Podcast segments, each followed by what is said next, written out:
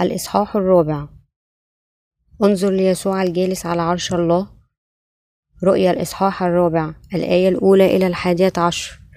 بعد هذا نظرت وإذا باب مفتوح في السماء والصوت الأول الذي سمعته كبوق يتكلم معي. قائلا اصعد إلى هنا فأريك ما لابد أن يصير بعد هذا.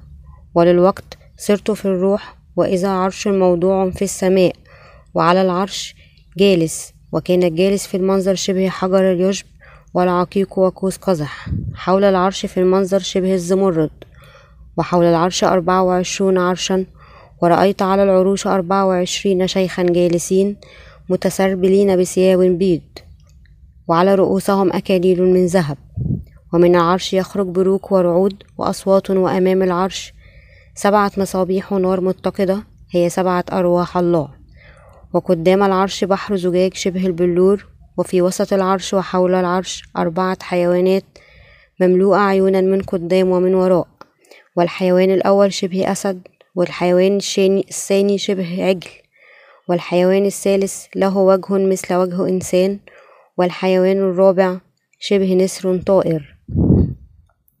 والأربع حيوانات لكل واحد منها ستة أجنحة حولها ومن داخل مملوءة عيونا ولا تزال نهارا وليلا قائلة قدوس قدوس قدوس الرب الإله القادر على كل شيء الذي كان والكائن الذي يأتي وحينما تعطي الحيوانات مجدا وكرامة وشكرا للجالس على العرش الحي إلى أبد الآبدين يخر الأربعة والعشرون شيخا قدام الجالس على العرش ويسجدون للحي إلى أبد الآبدين ويطرحون أكاليلهم أمام العرش قائلين أنت مستحق أيها الرب أن تأخذ المجد والكرامة والقدرة لأنك أنت خلقت كل الأشياء وهي بإرادتك كائنة وخلقت, وخلقت.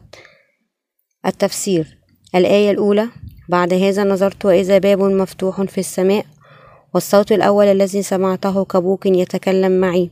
قائلا اصعد إلى هنا فأريك ما لابد أن يصير بعد هذا. بوابة السماء كانت قد أغلقت من قبل. ولكن هذه البوابة فتحت حينما نجى يسوع الخطاة من خطاياهم بمجيئه لهذه الأرض. بكونه عمد من قبل يوحنا مات على الصليب وقام من الموت ثانيا. خلال ملائكته الله كشف ليوحنا الرسول ما ينتظر العالم في الأزمنة الأخيرة. الآية الثانية وللوقت صرت في الروح وإذا عرش موضوع في السماء وعلى العرش جالس خلال البوابة المفتوحة للسماء.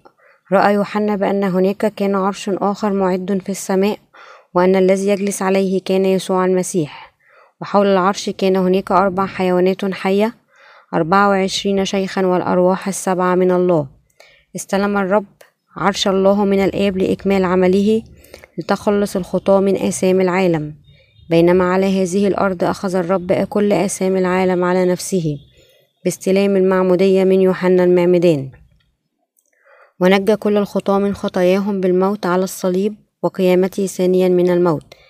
لهذا الله الآب سمح بهذا العرش في السماء لابنه.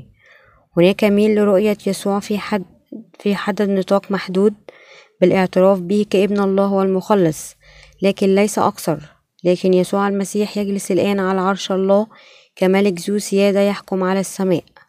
هذا لا يعني بالطبع أن يسوع صار مع الآب لأجل عرشه. عرش الله الآب ما زال هناك. سمح بعرش آخر في السماء لابنه متوجا إليه كملك السماء ومؤسس كقاضي لكل أولئك الذين يقفون ضد الله. الآب رفع يسوع المسيح عاليا فوق الآخرون في السماء والأرض كالله. يسوع المسيح الآن هو الله مساوي للآب لذلك يجب أن نسبح ونعبد يسوع الذي هو مخلصنا وإلهنا. الآية الثالثة وكان الجالس في المنظر شبه حجر اليشب والعقيق وقوس قزح حول العرش في المنظر شبه الزمرد. هذه الآية تصف مجد الله جالسا على العرش الجديد. الآية الرابعة وحول العرش أربعة وعشرون عرشا ورأيت على العروش أربعة وعشرين شيخا جالسين متسربلين بثياب بيض وعلى رؤوسهم أكاليل من ذهب حول عرش يسوع المسيح. إلى هنا جلس رسله. يقول هنا بأن عرش الله قد أحيط بأربعة وعشرون عرش آخرين. وعلى هذه العروش جلس أربعة وعشرين شيخا. بتيجان ذهب على رؤوسهم. كان بركة عظيمة من الله لهؤلاء الشيوخ أن يجلسوا على أربعة وعشرون عرش. هؤلاء الشيوخ هم أولئك الذين بينما كانوا على هذه الأرض عملوا واستشهدوا لملكوت الرب. هذه الكلمة تخبرنا أن ملكوت السماوات أصبح الآن مملكة ربنا الله موجودة للأبد تحت حكمه. الآية الخامسة ومن العرش يخرج بروق ورعود وأصوات وأمام العرش سبع مصابيح نار متقدة هي سبعة أرواح. الله هو الذي يخلق ويحكم كل الأرواح والآية السادسة وقدام العرش بحر زجاج شبه البلور وفي وسط العرش وحول العرش أربعة حيوانات مملوءة عيونا من قدام ومن وراء. الحيوانات الحية الأربعة هم سويا مع الأربعة وعشرون شيخا رسل ملكوت الله يطلبون إرادة الله دائما ويسبحون قداسته ومجده وهم الذين يطبقون إرادة الله في طاعة. الآية السابعة والحيوان الأول شبه أسد والثاني شبه عجل والحيوان الثالث له وجه مثل وجه إنسان والحيوان الرابع شبه نسر طائر. أي حيوانات الحية الأربعة هي رسل مكرسين للمهام المختلفة المعطاة لكل منهم الذين يخدمون بإخلاص كل أغراضهم الآية الثامنة والأربع الحيوانات لكل واحد منها ستة أجنحة حولها ومن داخل مملوءة عيونا ولا تزال نهارا وليلا قائلة قدوس قدوس قدوس الرب الإله القادر على كل شيء. الذي كان والكائن والذي يأتي. بالضبط كما أن الله لا ينام. الحيوانات الأربعة أيضا دائمة مستيقظة بجانبه تسبحه باستمرار لمجده وقداسته. هم يسبحون قداسة الله الذي أصبح الخروف وقوة قدرته.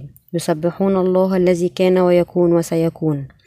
الذي يسبح هكذا بواسطتهم هو الله الآب ويسوع المسيح الذي هو الله.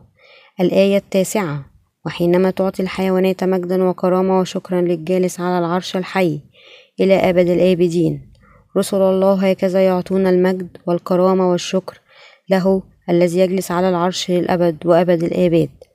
الآية العاشرة يخر الأربعة والعشرون شيخا قدام الجالس على العرش ويسجدون للحي إلى أبد الآبدين ويطرحون أكاليلهم أمام العرش قائلين عندما كان الأربع حيوانات الحية يسبحون الله كان الشيوخ الأربعة والعشرين الجالسين على العروش يلقون بتيجانهم أمام الله ويسبحونه. أنت مستحق أيها الرب أن تأخذ المجد والكرامة والقدرة. الآية الحادية عشر. أنت مستحق أيها الرب أن تأخذ المجد والكرامة والقدرة لأنك أنت خلقت كل الأشياء وهي بإرادتك كائنة وخلقت.